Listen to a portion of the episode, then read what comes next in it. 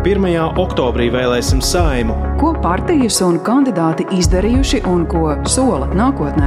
Klausies analīzi Latvijas radio ēterā. Mūžīgie opozicionāri, kura elektorāts ir pamatā krieviski runājoši Latvijas pilsoņi. Tā īsumā var raksturot partiju, kura vēlēšanās bieži uzvar, bet pie varas tā arī netiek. Vismaz saimā. Mans vārds ir Džedars Džēlzis, un nākamajās minūtēs es stāstīšu par sociāldemokrātisko partiju saskaņu, kas ilgus gadus valdījusi Rīgā, bet pēc korupcijas skandāliem zaudējusi gan ietekmi, gan arī tās spilgto līderi. Ir šā gada 1. maija, un saskaņas biedri Rīgā pūcējas uz kongresu. Labdien, cienījamie kongresa delegāti, viesi, draugi!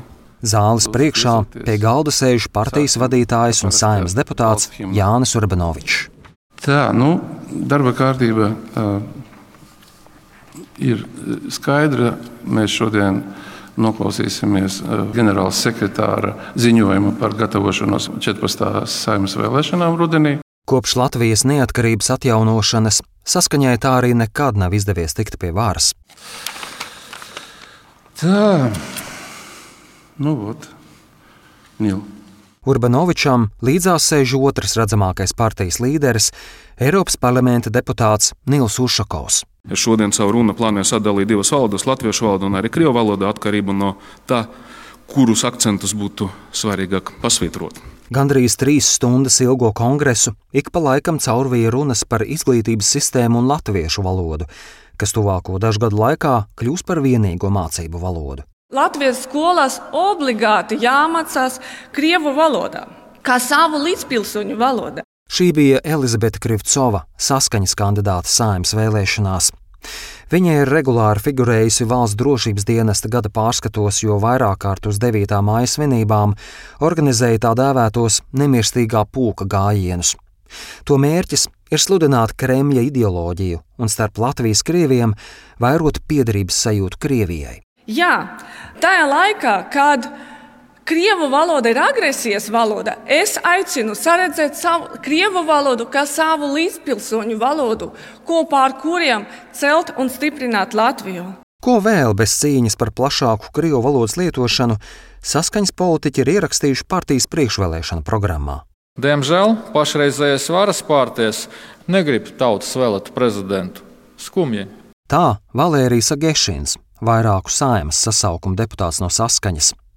Viņš aicina mainīt Latvijas vēlēšanu sistēmu. Ir nobriedusi nepieciešamība iestāties par mažoritāram saimas vēlēšanām, kur katrs ievēlētais deputāts pārstāv savu apgabalu. Agešins stāsta, ka nepilsoņiem jādod tiesības balsot pašvaldību vēlēšanās un jāatvieglo iespēja rīkot referendumus. Mūsu politiskais spēks iestājās par tautas līdzdalības iespēju paplašināšanu lēmumu pieņemšanā gan valsts, gan pašvaldību līmenī. Latvijā līdz šim ir notikušas astoņas tautas nobalsošanas.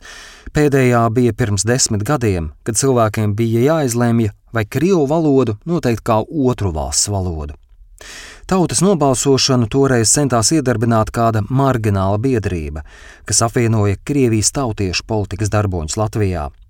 Bet referenduma organizēšana uzņēma apgriezienus, kad publisku atbalstu Tam izteica saskaņas centrs un tā līderis Nils Ušakovs. Latvijas iedzīvotāji pārliecinoši nobalsoja pret krievu valodu un sājuma, pēc tam steigā apgrūtināja iespēju sarīkot referendumus. Stāsta Rīgas Stradiņu universitātes lektore Lelde Metla Rozentāle. Mēs eh, nerunājam par to, cik patiesībā referendumi ir ļoti dārgs pasākums visai sabiedrībai, un ka no tiem referendumiem, kas Latvijā ir notikuši, tikai puse vai pat mazākā puse ir patiešām stājušies spēkā tas pieņemtais lēmums, jo ir atnākts pietiekams cilvēku skaits. Tātad cilvēki nemaz nav naski uz referendumiem un ļoti nevēlas uz viņiem doties tāpat kā uz vēlēšanām. Viņa stāsta, ka ļoti kritiski jāvērtē arī doma mainīt vēlēšanu sistēmu. Tāpat uh, mažoritārā vēlēšana sistēma ar vienmandātu vēlēšanu apgabaliem. Ko tas nozīmē pavisam vienkāršā valodā cilvēkiem? Tas nozīmē, ka, ja mums ir simts deputātu parlamentā, tad mums Latvija ir sadalīta simts mazos vēlēšana apgabaliņos, no kura tiek ievēlēts no katra viens deputāts. Viņa stāsta, ka mažoritāro vēlēšanu sistēmu izmanto lielās valstīs ar milzīgu teritoriju, kur katrs deputāts pārstāv plašu areālu. Latvijā tas saimu padarītu ļoti sadrumstalotu un situāciju tikai sarežģītu. Līdzīgi Lielda Metla Rozentāla vērtē saskaņas saukli par tautas vēlētu prezidentu. Tautas vēlētu prezidentu gan runā ne tikai saskaņa, bet uh, vēl uh, vismaz desmit uh, citas partijas, kas startē uz šo te 14. Mm, saimu, tāpēc to es neizcēlu kā tādu īpašu saskaņai raksturīgo iezīmi. Es teiktu, ka tā ir raksturīga iezīme tā dēvētajām tomēr populistiskajām partijām.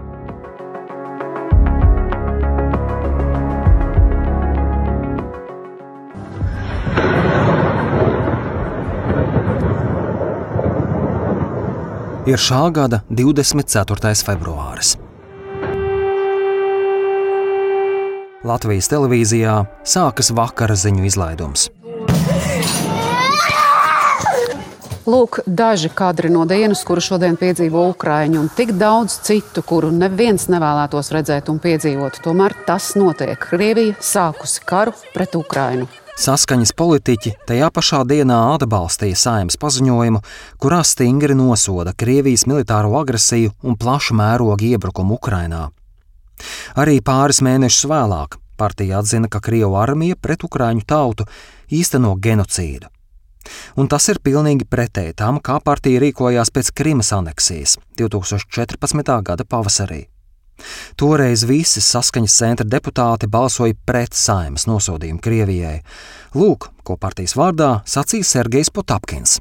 Nevajag biedēt cilvēkus ar Krievijas draudiem. Šā gada augustā, pusgadu pēc kara sākuma, balsojumā par to, lai Krieviju atzītu par terorismu atbalstošu valsti, saskaņas deputāti atkal vairs nepiedalījās. Jautāju par to partijas vadītājam Jānim Urbanovičam. Šis mēģinājums sasiet Krievijas pasludināšanu par terorismu atbalstošu valsti ar Latvijas Krievu atbildību, kas izriet no šī savirknējuma, radīja par neiespējamu mums piedalīties. Mēs nevarējām balsot pret to, ka notiek šis valstiskais terorisms, bet mēs nevarējām atbalstīt šādu formulējumu, kurā tiek piesaukti Latvijas Krievi. Saimas paziņojuma teksts nekādas atsauces uz Latvijas krievu kopienu gan nesatur.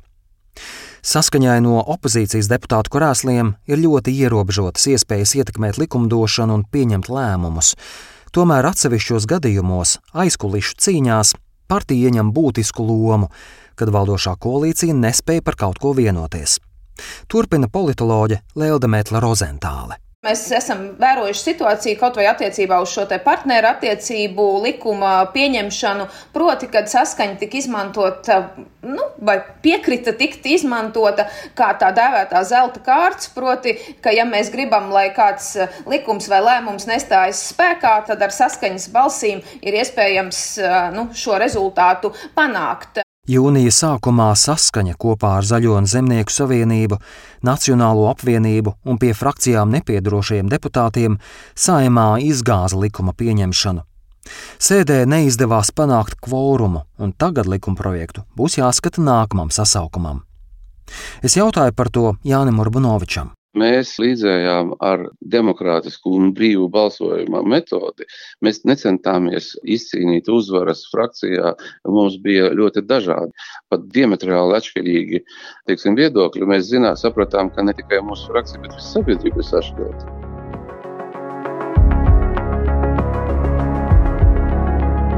Interesanti, ka saskaņas saimnes frakcija, lielākā no visām, šī sasaukuma laikā ir sarukusi no 23 līdz 18 deputātiem. Lūdzu, zvanu balsosim par lēmuma projektu par piekrišanu 13. saimas deputāta Jāņa Adamsona kratīšanai par kratīšanas veikšanu saimas deputāta dzīvesvietā un darba vietā.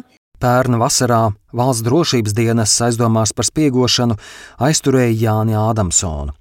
Krimināllietas dēļ viņš izstājās no saskaņas, bet saimnes deputāta mandātu tā arī nav nolicis.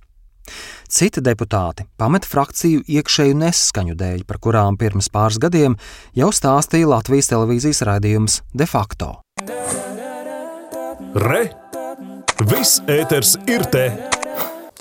Divu saimnes deputātu izslēgšana no partijas. Tik nopietnu satricinājumu šodien piedzīvoja partijas saskaņa. Vjačeslavs Dombrovskis un Ļubova Švecova pirms diviem gadiem saskaņas vēlēšanu sarakstā nonāca kā jaunas sejas. Dombrovskis pat tika reklamēts kā premjeramata kandidāts.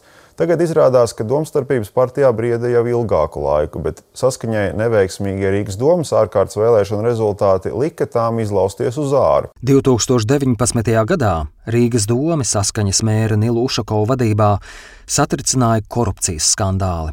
Tie bija saistīti ar iepirkumiem pašvaldības uzņēmumā Rīgas satiksme. Izmeklētāji Kratīšanu laikā Ušakova darba kabinetā atrada aizliegtu strateģiskās nozīmes ierīci - grāmatas veidolā apslēptu video kameru. Vides aizsardzības un reģionālās attīstības ministrs Nilu Ušakovu atstādināja no mēra amata, un drīz vien politiķis ar Eiropas parlamentu vēlēšanu palīdzību nostiprinājās varas gaiteņos Briselē. Tomēr Eiropas parlamenta deputāta imunitāte viņš zaudēja, un tagad ir spiests sēsties uz apsūdzēto soli. Ja tiesa politiķi atzīs par vainīgu ierīces glabāšanā, tad viņam draud divu gadu cietumsots. Es jautāju Nilam Ušakovam, vai viņš atzīs savu vainu? Noteikti nē. Es esmu balsojis Eiropas parlamentā par to, lai man noņemtu deputāta imunitāti, un esmu arī aicinājis savus kolēģus darīt to pašu, jo es gribu tieši mājās Latvijā atklātajā tiesas procesā pierādīt gan to, ka esmu nevainīgs, gan arī pierādīt taisnīgumu.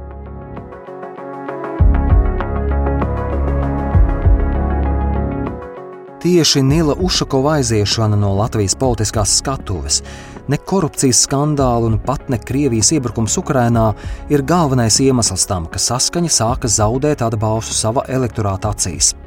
Tā stāsta Lelda Metla Rozentāle. Tad, kad viņš bija šeit, uh, Latvijā, vai tā bija Rīgas doma, vai, piemēram, ja viņš būtu saimā, tad viņš vēl aizvien būtu šī partijas seja, un mēs zinām, ka viņu dēvēja dažādi par, par teflona seju un vēl visādi, respektīvi, ka viņam nelipa nekādi skandāli klāt, un viņš, neraugoties uz visu, kas apkārt notika, spēja saglabāt savu pozitīvo tēlu vismaz krievalodīgajā elektorātā.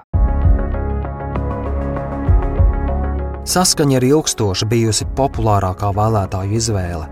Sājums vēlēšanās pirms 11 gadiem tā uzvarēja ar 31 parlamentā iekļuvušu saskaņieti. Pašreiz, pēc SKDS pētījuma centra datiem, saskaņa ierindojas vien trešajā vietā, un to atbalsta apmēram 7% vēlētāju. Tas ir tālu no tā, lai atkārtotu iepriekšējo vēlēšanu rezultātu. Jādars Džēlzes, Latvijas Radio.